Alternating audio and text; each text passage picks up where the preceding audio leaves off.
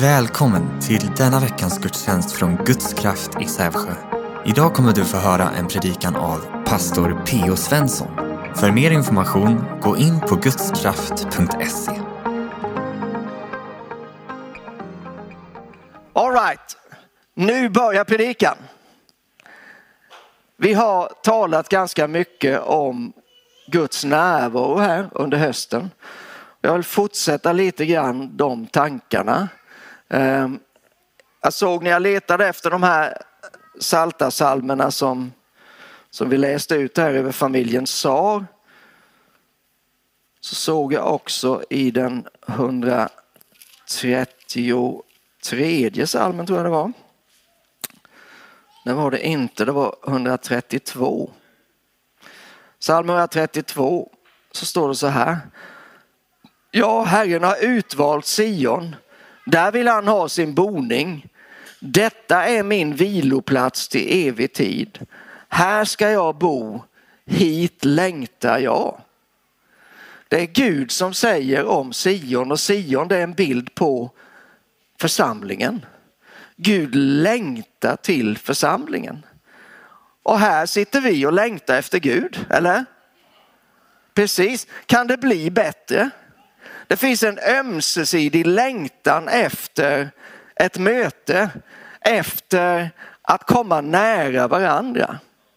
Och detta funderar vi kring och talar om och ber över därför att vi tror att Gud vill komma nära oss.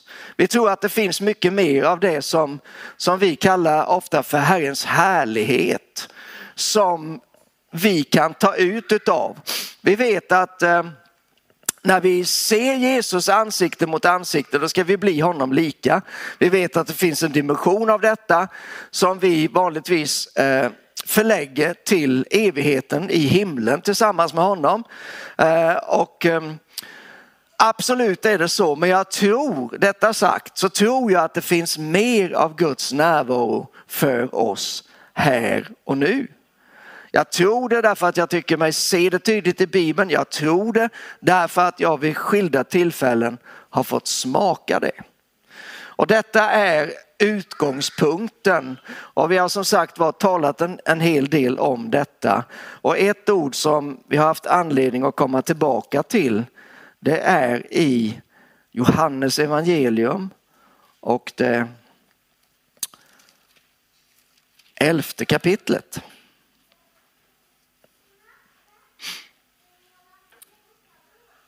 Jag läste det igen i morse för jag vet inte vilken gång i ordningen. Men jag tänker nu först och främst på vers 40. Jesus sa till henne som då var Marta, syster till Maria och Lazarus. Har jag inte sagt dig att om du tror ska du få se Guds härlighet? Om du tror ska du få se Guds härlighet. Det finns alltså ett, ett förbehåll för härligheten. Det finns flera men det som Jesus pekar på just här det är trons nödvändighet. Om du tror ska du få se Guds härlighet. Och då vet vi ju, vi som har läst Bibeln, eh, mer eller mindre, men vi känner nog igen det här uttrycket att tro kommer av predikan och predikan i kraft av Guds ord, Romarbrevet 10 och 17. Så Guds ord föder tro. Det göder tro i våra liv, det vill säga att tron kan växa och, och bli stark och aktiv och så vidare.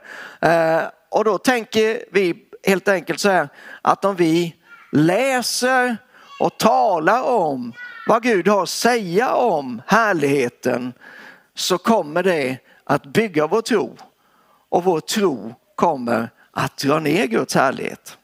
Så nu är du med ungefär var vi står någonstans. Och Guds härlighet kan manifesteras på olika sätt. Eh, till exempel i Johannes evangeliets andra kapitel så, så manifesteras den i att Jesus gör vatten till vin. Det kanske inte är vårt favorit, eh, favoritunder därför att de flesta av oss är ju nykterister, hoppas jag. Men eh, det är ändå så att där säger Johannes att när detta har hänt så, så, så uttrycker han ungefär så här att detta var det första tecken som Jesus gjorde. Johannes beskriver sju olika tecken. Han, han gör inte som de andra tre evangelisterna eh, så att han liksom staplar upp under utan han väljer ut sju stycken och han säger sen, jag tror det är 20 kapitlet i evangelium att många andra tecken gjorde Jesus men dessa har blivit uppskrivna för att ni ska veta att han är Messias och för att ni ska tro på honom. Eh, och då säger detta var det första tecken som Jesus gjorde, alltså bröllopet i Kana. Eh, och han visade sin härlighet. Och lärjungarna trodde på honom. Så här kan vi se att det kommer också från andra hållet, att när vi får se Guds härlighet, då föds tro i oss. Och när vi har tro i, i oss, då får vi se Guds härlighet. Så det finns alltså, det kommer på två sätt. Men alltihop hänger ändå samman. Och det jag ville tala om lite grann idag är en manifestation av Guds härlighet som det alltid finns behovet av. Som man ofta är medveten om att behovet är skriande. Till och med. Det är när det gäller helande. Och idag vill jag tala lite grann om helande. Helande eh, är ju, bär ju med sig olika utmaningar. Dels är ju sjukdomen eller skadan eller smärtan i sig, det är ju en utmaning som många gånger eh, gör att vi får svårt att och hålla blicken på Jesus som vi, som vi sa här innan. Eller eh, att vi får svårt att eh, liksom, koncentrera oss på det som verkligen är viktigt. Men sen är det också utmaningar därför att vi har alla erfarenheter. Vi har tillkortakommanden, vi har bett och eh, det hjälpte inte verkar det som. Eh, vi bad och han dog och, och, och så vidare. Så det finns eh, olika utmaningar men det är också Ehm, en utmaning i, i, ska vi säga, bördan av att känna sig så otillräcklig. Jag upplever det ibland. Man möter nöd, man möter människor som lider och man känner sig så otroligt otillräcklig. Det är liksom ont. Man, man oh, Gud, jag vill inte. Och sättet vi, vi försöker lösa detta eller kompensera detta det är att vi försöker ännu mer. Vilket kanske inte alltid är så bra. Utan det kan till och med bli kontraproduktivt och göra bördan ännu tyngre. Och jag, jag, vill bara dela några tankar och jag vill börja och, och lägga lite av en, en som jag tycker en biblisk grund för detta som gäller helande. Men om vi börjar, inte i Bibeln, utan vi börjar i biologin, eh, vi börjar i det naturliga. Så, så kan man ju konstatera, om man tänker efter lite grann, så kan man konstatera att kroppen den är gjord för hälsa och liv. Det, det, finns så mycket i kroppen, alla de här olika funktionerna och olika organen och olika eh, körtlarna och, och, ja, det finns, eh, Oskar sitter här nere, det är hans bransch. Men han kan vittna om detta, om du frågar honom efteråt så är jag säker på att han håller med mig. Hela vi, he, alltså hela kittet är ju en fantastisk skapelse där allting samverkar med vartannat och när det är som det ska vara, då är det bara, det förlöser liv. Livet bara flödar, livet fungerar och det är liksom grund, det är utgångspunkten skulle jag vilja säga. Att kroppen är gjord, inte för sjukdom, utan kroppen är gjord för liv. För det andra så har vi det som man kanske slarvigt då skulle sammanfatta som vårt immunförsvar. Och immunförsvaret det jobbar ju mot alla sjukdomar. Immunförsvaret är inte för sjukdom eller smärta eller någonting utan immunförsvaret jobbar mot, försöker hindra, försöker stoppa eller kan till och med försöka eh, förhindra eh, sjukdomsattacker av alla möjliga olika slag. Och ja, det finns en anledning att jag säger detta för ibland så går vi vilse i någon slags teologisk snårskog. Och så är vi sjuka och så försöker vi, när, när vi ber och så händer det ingenting och då försöker vi att att, att hitta en förklaring till detta. Och då, då kommer det upp alla möjliga märkliga idéer som egentligen inte har någon grund i ordet. Eh, utan ja, men Gud har någon mening med detta och Gud vill lära oss någonting. Och, och, och det är, eh, du får liksom vänta till du kommer till himlen och så vidare. Och jag tror på himlen, jag tror att det finns en fullhet av frälsningen som inte finns tillgänglig här på jorden. Så jag vill bara slå fast det. Men jag är övertygad om att när vi kommer till himlen kommer vi nog mangrant att säga att inte jag fattade att det fanns mer för oss där nere. Jag är ganska övertygad om det. Eh, och då tror jag att det är bra att ta sin utgångspunkt här i det som är naturliga. Sen tar vi då sjukvård och, och läkemedel och alltihop detta. Det läggs ju ner, jag menar det är ju en av de stora ekonomiska posterna i den svenska ekonomin. Det är sjukvården och vården av, av de som är gamla och skröpliga och, och så vidare. Eh, tar ju upp väldigt mycket av ekonomin, med rätta. Läkemedelsindustrin, låt vara att de tjänar storkovan, men de omsätter ju också mångmiljardbelopp varje år. Vad är syftet? Att få fram bättre mediciner som kan hjälpa oss människor att behålla hälsan. Det är ju syftet med det hela. Sen vet jag att världen är korrumperad och det finns många olika intressen och, och man kanske inte gör det av, av rent eh, humanitära skäl, men man gör det i alla fall. För att i det naturliga så verkar vi och allt verkar egentligen för att hålla sjukdom borta. Men ändå, när vi ska tala om helande så är det inte på den arenan som vi först och främst håller oss. Det är bra att veta att hur man funkar. Det är bra att ta hänsyn till eh, till exempel vad man stoppar i sig, att man rör sig och så vidare, att man avstår från andra saker etc. På grund av att man är mån om sin hälsa. För så länge man har hälsan så tänker man inte så mycket på det, men den dagen som hälsan inte riktigt står en bi, då inser man hur otroligt dyrbart det är att få vara frisk, att ha åk, att, att liksom ha tillförsikt för morgondagen, att inte vara bara golvad av smärta eller, eller eh, trötthet eller någonting.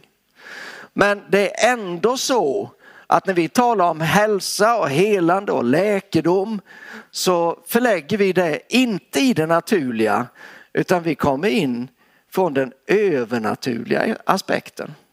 Och det är ju där som vi hittar Gudsordet. Gudsordet är ju ett övernaturligt ord. Det talar om en övernaturlig verklighet, eller hur? Gud är övernaturlig och vi har tillgång till en övernaturlig dimension och det är där som eh, alla Bibelns löften om hälsa och läkedom finns tillgängliga. Det är där de har fått sitt ja och sitt amen.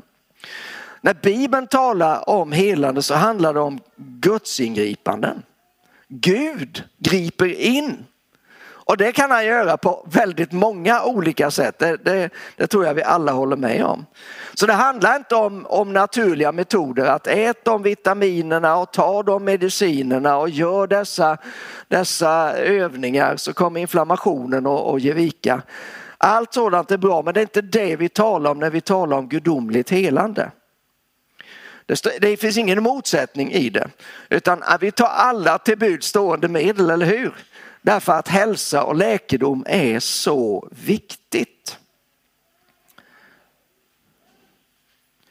Men om helande är av ett övernaturligt slag så innebär det att de naturlagar som vi tar för givna och som vi lever under, de kan upphävas det är liksom det, är liksom det som är, är att det är övernaturligt. Det är att Gud går förbi de lagar som vi lever under. Och det gör att det som är, det som är svårt, det blir lätt. Det som är omöjligt Det blir möjligt. Till exempel en kvinna som, som nu bara är en, en här i veckan som, som vi står i kontakt med som fick operera bort båda sina äggstockar. Och då vet vi allesammans att en kvinna utan äggstockar, det blir inga mer barn. Men Gud, han kan ju gå utanför det, han kan gå förbi det. En kvinna utan äggstockar kan få barn om Gud griper in. Alltså det som för människor är omöjligt, det som inte vetenskapen och så vidare klarar av. För Gud är det möjligt. Och det är där vi måste, där vill jag att vi tar vårt avstamp. När vi talar om helande och, och när vi ska tro Gud om förändring, kanske för oss själva eller kanske för andra som vi, vi står i, i, i relation med. Gud kan återskapa något som har gått förlorat. Ett öga som är förlorat, Gud kan ge ett nytt öga. Alltså det, det är ju det som, det är detta som, det är den övernaturliga dimensionen. Att Gud får komma till. Att inte vi, höll jag på att säga, att inte vi står i vägen för honom. Att inte vi sätter vår förväntan här nere men Gud, han vill komma här uppe. Gud, om jag bara får kraft att härda ut. Det är en helt okej okay bön att be. Men Gud kanske inte bara vill ge kraft att härda ut. Han kanske vill ge en seger mitt i en omöjlig omständighet. Och då behöver vi lyfta vår förväntan, vilket är lika med TRO, tro. Fick du det på rikssvenska? Det är nog det enda du får på rikssvenska idag. Sen gäller detta förstås även mindre spektakulära helanden. Alla typer av helanden som Gud gör, de är övernaturliga till sin natur. Och då tänker jag så här att Guds plan för dig och mig, det är inte bara att vi ska representera honom. Att jag är en representant för Gud, det är, det är ju jättebra, det är du också. Men Gud tänker mer än så. Han vill att vi ska vara honom. Han vill att vi ska göra det som han gör. Precis som Jesus säger i Johannes 14 så säger han att, att ehm, eh, vad är det han säger? De som tror på mig eller den som tror på mig ska själv göra de gärningar som jag gör. Det är alltså Guds plan för dig och mig. Att vi ska vara som honom och att vi ska göra som honom.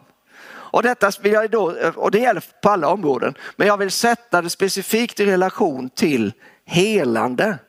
Därför att om, om du tänker efter, du kanske inte behöver tänka längre än till dig själv, så brottas du med någonting av fysiskt eller psykisk art till exempel i ditt liv.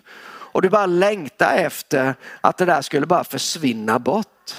Eller du har i din familj, du har i din närhet, du har grannar, du har vänner, du, du nås hela tiden av det här. Ja, nu har han fått cancer, ja nu ligger den för döden, ja nu är det si, ja nu är det... Och, och här är, är RS-viruset skenar och, och post-covid och, och, det är ju... Men vi, vi står ju alla i den verkligheten. Och någonstans så, så kanske du blir som jag, att man bara liksom, oh, det är mycket nu. När det egentligen är så att Gud har satt oss här för att vara hans händer och fötter för att förlösa hans läkedom. Eh, att, att kunna vara en kanal för hans härlighet.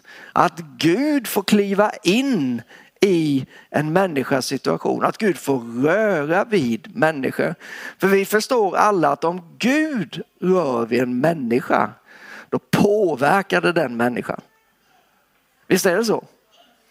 Om vi rör vid en människa, det, det kan ha en viss inverkan så.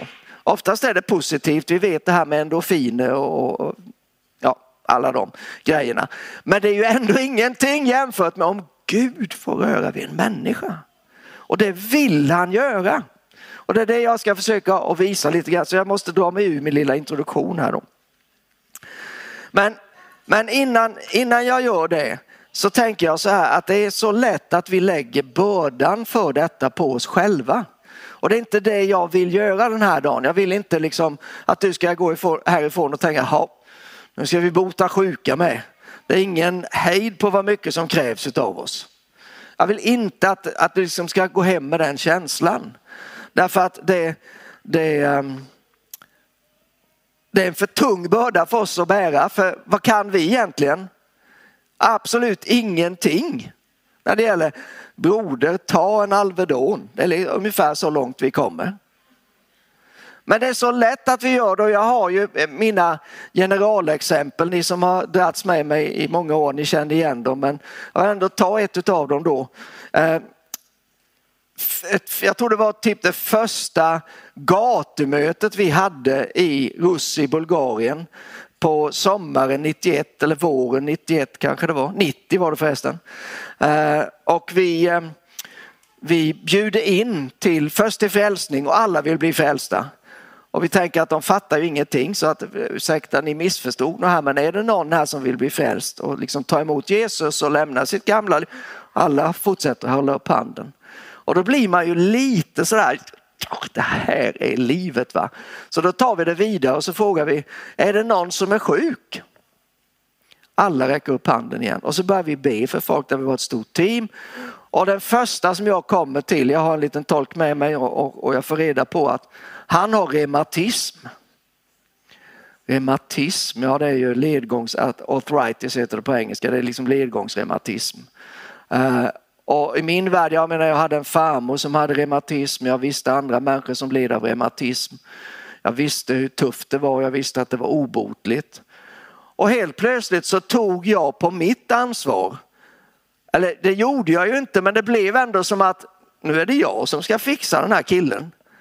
Vad fruktansvärt tungt det blev på en gång. Man hade reumatism i benen, knäna tror jag det var. Så ja, vi får väl be då, så jag. Det är inget annat. Så jag la mig ner och la händerna på hans knän. Och så började jag be. Och jag kan säga, jag får bara erkänna direkt, och det var inte mycket trosfyllda böner som bads där. Men det var mycket böner var det. Och det var böner på svenska, det var böner på okända språk och det var, jag löste och jag band och jag förbannade och välsignade och jag liksom gjorde alla grejer jag kunde. Till slut var, var jag helt slut. Jag hade inget mer att ge liksom. Jag var bara uttömd. Ja, vad gör man nu? Jag fick ju ställa mig upp och så med all tro jag kunde uppbåda så vände jag mig genom tolken då till den här killen då, han var en man i 40-årsåldern kanske. Och säga, känns det någon skillnad? Så. Och så på bulgariska. Och så säger tolken, ja, all smärta försvann så fort du la händerna på mina knän. Oj, det var ju otroligt. Var det så lätt?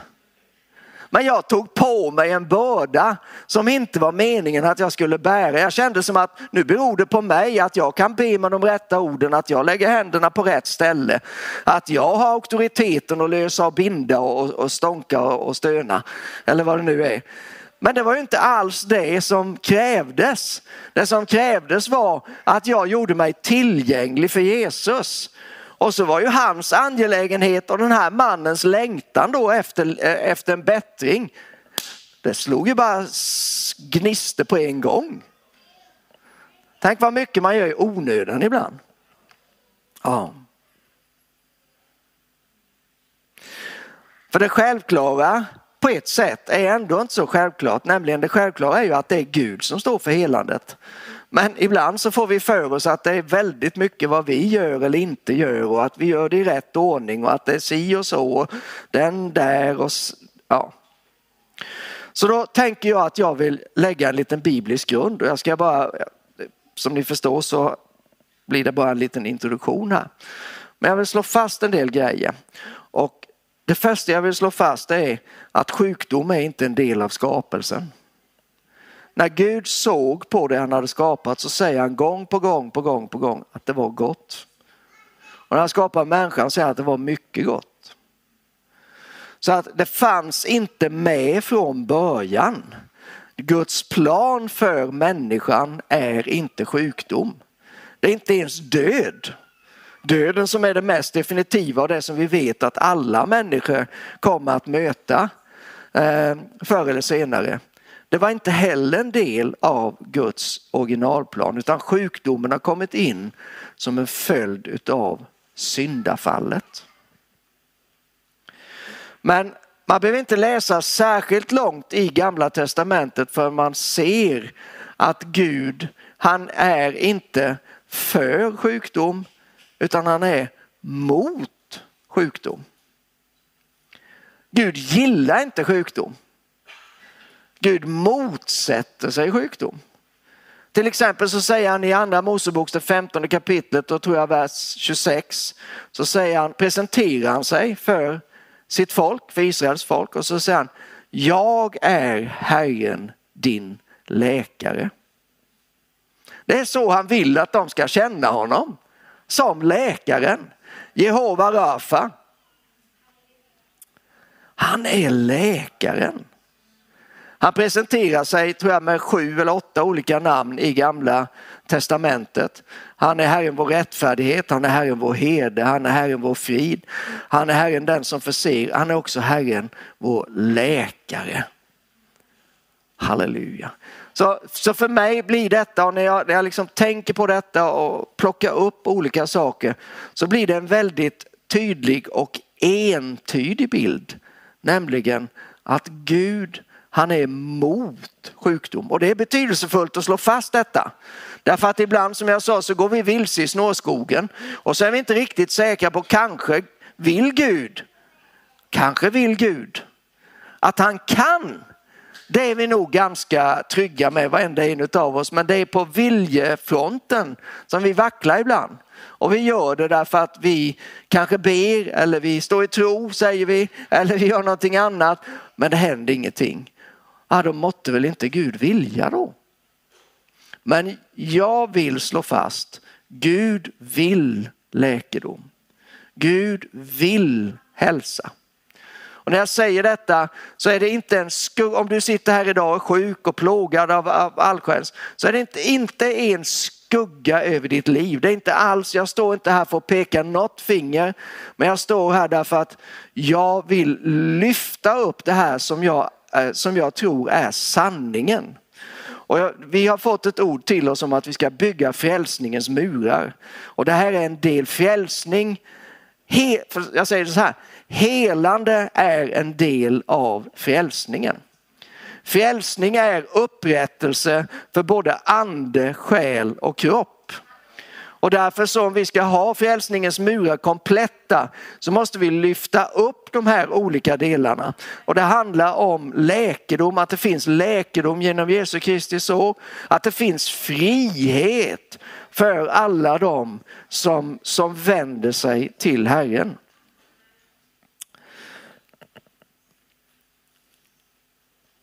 Jag tänker också på, vi kan läsa i den 103 salmen. Vi, vi hinner inte fram egentligen till Nya Testamentet med någon ära idag, utan det får vi ta en annan gång. Eh, men redan i det gamla testamentet så kan vi se en ganska tydlig riktning. Då säger kung David så här ifrån den andra versen i psalm 103. Lova Herren min själ och glöm inte allt gott han gör. Han förlåter dig alla dina synder och botar alla dina sjukdomar. Han botar alla dina sjukdomar. Han Glöm inte allt gott han gör. Han förlåter dig alla dina synder.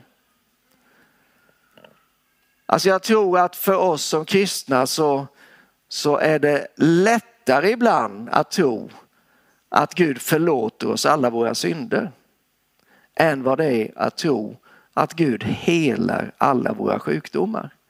Men här säger David att det är precis på samma sätt. Och jag hoppas att kunna visa det här framöver att, att det är inte bara kung David som säger så utan att Bibeln uttrycker det på precis samma sätt. Sen finns det, och, och vi ska bara ta det avslutningsvis, många, ska vi kalla det, löften på ett sätt i gamla testamentet men också som tjänar som profetiska förebilder på eh, den, den läkedom som tillhör Guds folk på grund av vad Jesus gjorde på korset. Det är därför som, som törnekronan ligger där. Därför ni känner ju igen eh, bibelordet till exempel från Jesaja, genom hans sår blir ni helade. Eh, men jag vill nämna om några sådana. Och eftersom vi är i psalm 103 så kan vi väl bara bläddra fram till 107 och bara se på en vers eh, i det kapitlet. Så står det så här i vers 20, psalm 107, vers 20. Han sände sitt ord och botade dem. Han sände sitt ord och botade dem. Ordet bota här det är samma som läkare i Andra Mosebok 15. Herren din läkare, Jehova Rafa, herre, han botade, han rafade dem. Ja, det heter nog inte exakt så på grekiska men bara så du får poängen där. Va? Det är, inget, det är inget annat uttryck utan det är samma ord som finns där.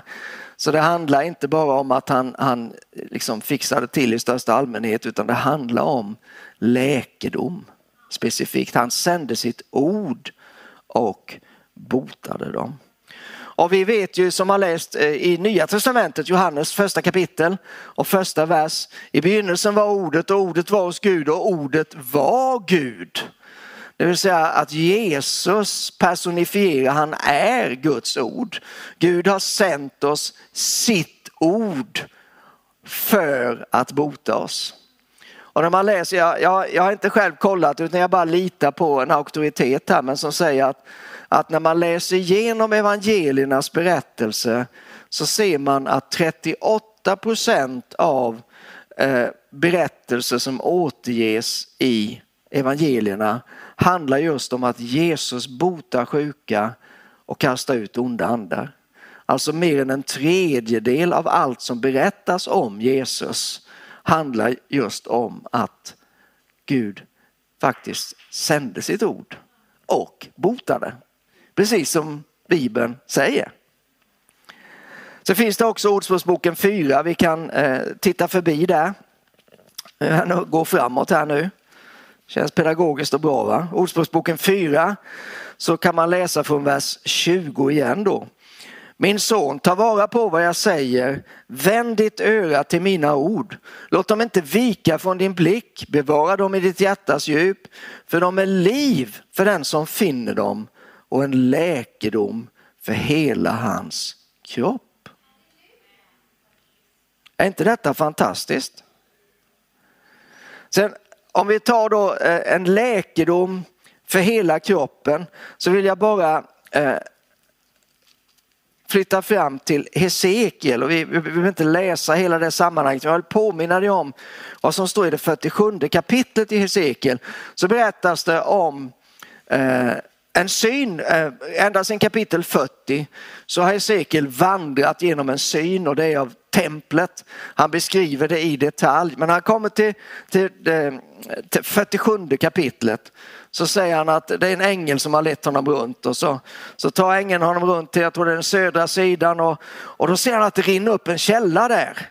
Och sen går de runt templet eh, för att eh, templet i Jerusalem det låg liksom i öst-västlig, öst, för då, öst-västlig riktning, det vill säga huvudingången var från öster.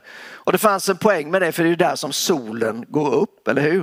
Eh, men han var på södersidan som är där då och så går de, går de igenom och så går de runt och så kommer de ut på östsidan. Och där ser han att den här strömmen då, vattenkällan, den rinner ut ifrån templet och så rinner den vidare österut. Och han beskriver den här strömmen, ängeln utmanar honom ju att gå djupare ut i strömmen. Det är ju en, en utmaning som, som vi har fått också, att gå ännu längre tillsammans med Gud. Jag, jag har nog tänkt mig många gånger att, att liksom, om templet är här och strömmen går där så, så säger ängeln nu går vi tusen alnar och sen går tusen alnar till och det blir djupare ju längre ut i mitten man kommer. Men, men som Hesekiel beskriver det så är det ju djupare och djupare ju längre ut strömmen kommer.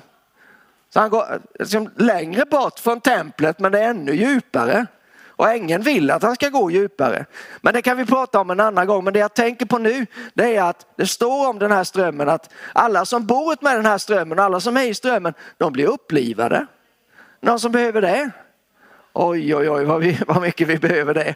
Men då, då, måste vi, då måste vi ge oss ut i strömmen. Då kanske det är dags att, och liksom har du stått till anklarna så kanske du måste ut till knäna åtminstone nu. Och har du stått i knäna kanske du måste ut i höfterna. Har du stått i höfterna och säger att det börjar bli lite tråkigt nu för tiden. Kasta dig ut i strömmen då och se vad den leder. För det är nog det som Gud egentligen vill. Att du och jag ska släppa taget och att Gud istället får komma. Att det blir som för Petrus och Jakob och Johannes att när de såg upp så såg det är bara Jesus nu. Det är, det är inget annat. Men då står det också om den här, det är fiskare där och det är liksom äh, jättemysigt på alla sätt. Men så står det att på båda sidor om strömmen så växer det träd. Och då måste jag nästan läsa till. I vers 12 i cirkel 47. Vid strömmens båda stränder ska alla slags fruktträd växa upp. Deras löv ska inte vissna och deras frukt ska inte ta slut. Varje månad ska träden bära ny frukt för deras vatten kommer från helgedomen. Bibeln kallar oss för rättfärdighetens terebinter. Terebint är ett träd.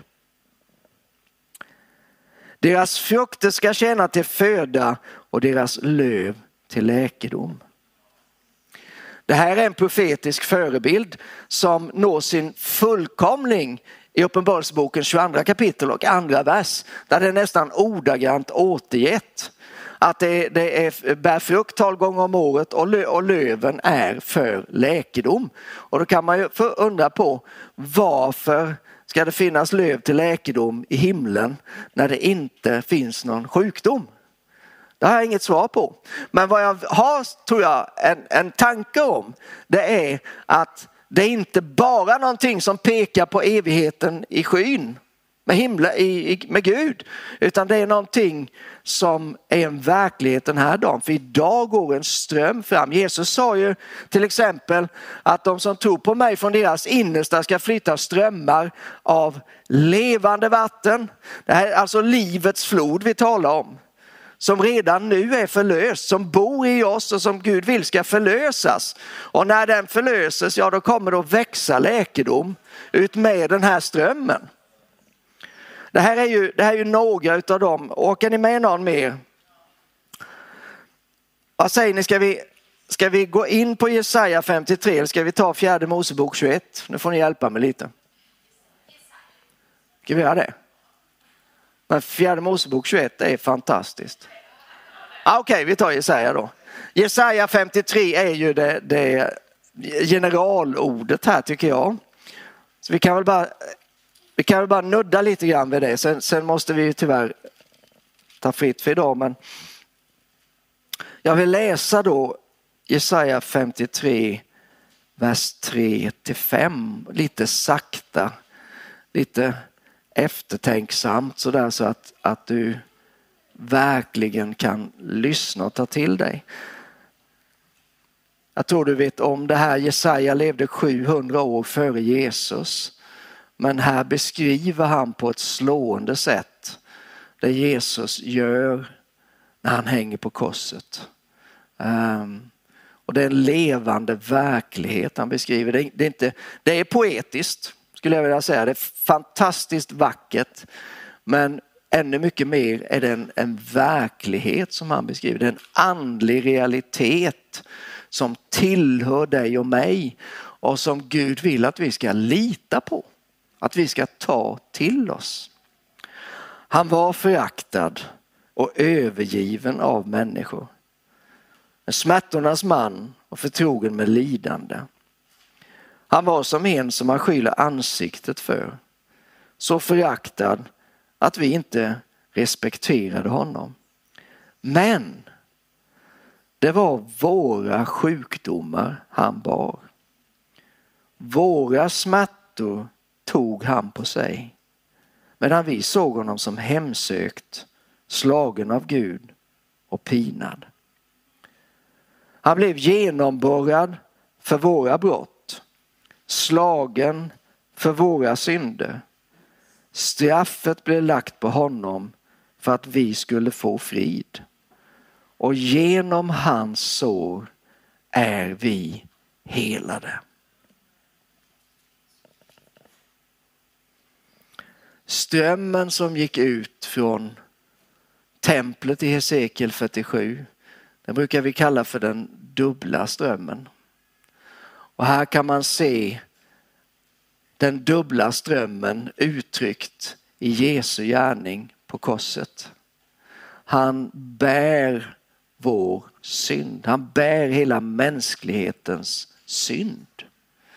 Det finns ingen synd som inte Jesus har burit på korset. Oavsett vad du har gjort, vad vem som helst har gjort, hur mycket man har gjort det, hur hemskt det än är, så ska du veta att Jesus bar den synden på korset. Han tog den på sig. Han tog, detta, eller ännu tydligare uttryckt, han tog straffet för de synderna på sig. Han bar det straffet. Och det är det som uttrycks så, så tydligt här, det vi kallar för det, det ställföreträdande offret. Det var våra, våra, våra, våra. Men om man ser då så, så pekar de här verserna inte bara på att det var synden som Jesus tog itu med. Utan det pekar lika tydligt på att det var sjukdom som han också bar. Faktum är att om man tittar på det så kan man se att det är tre stycken som handlar om synden och tre stycken som handlar om sjukdom. Och då för tidens skull kan vi bara se här då. Det var våra sjukdomar han bar. Våra smärtor tog han på sig och genom hans sår är vi helade.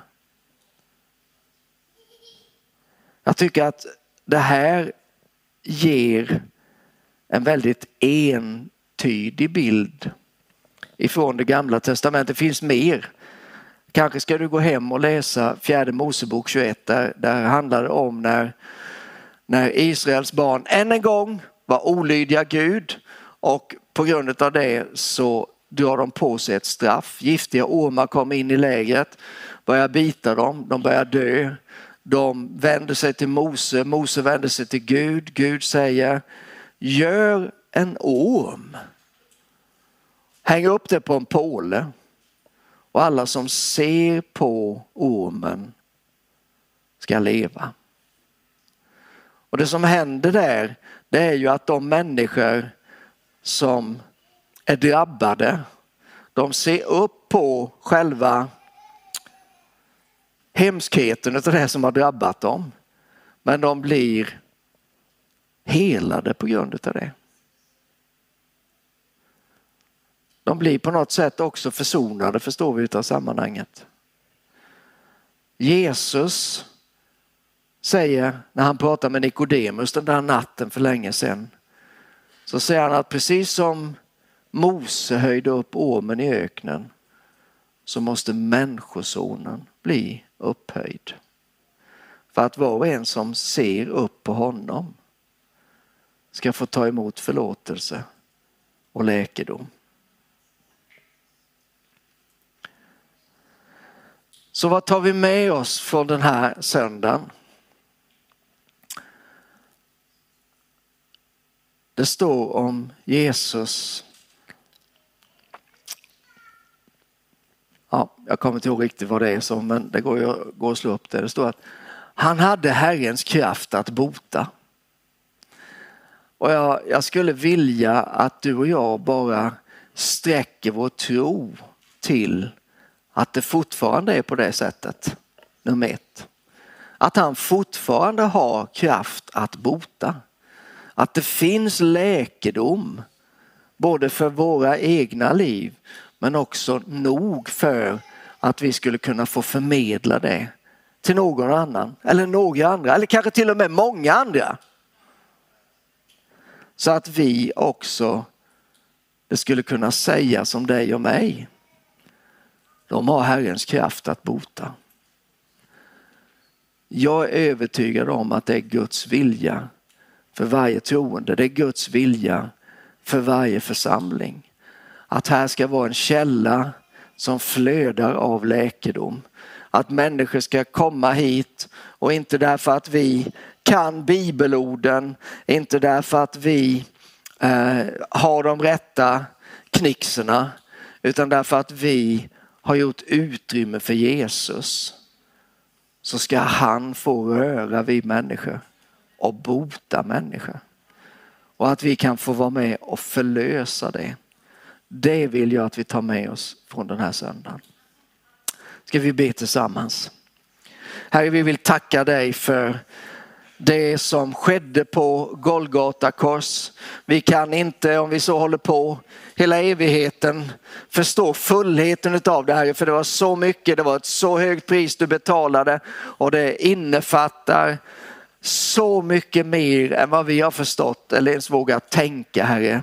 Men vi vill tacka dig för det och vi vill bara tacka dig Herre att vi också får växa i förståelse, att vi, du vill visa oss, att du vill leda oss in i hela sanningen, att du vill uppenbara Herre det som är fördolt för oss nu, att du vill uppenbara det. Och Herre vi ber dig först och främst inte för oss själva utan vi ber dig Herre för en värld som lider, en värld som är förlorad, en värld som, som inte ser någon framtid, som inte se någon väg som bara är fångad i smärta och plåga och, och hopplöshet. Herre, vi ber att vi skulle få vara kanaler för din närvaro och din helighet ut till denna värld, ut till människor som bor i grannhuset eller ut till människor som finns i den här stan eller ut i andra länder, Herre, var helst du sänder oss. Vi tackar dig Herre för uppenbarelsen om helande och läkedom. Vi gör anspråk på den för den här tiden.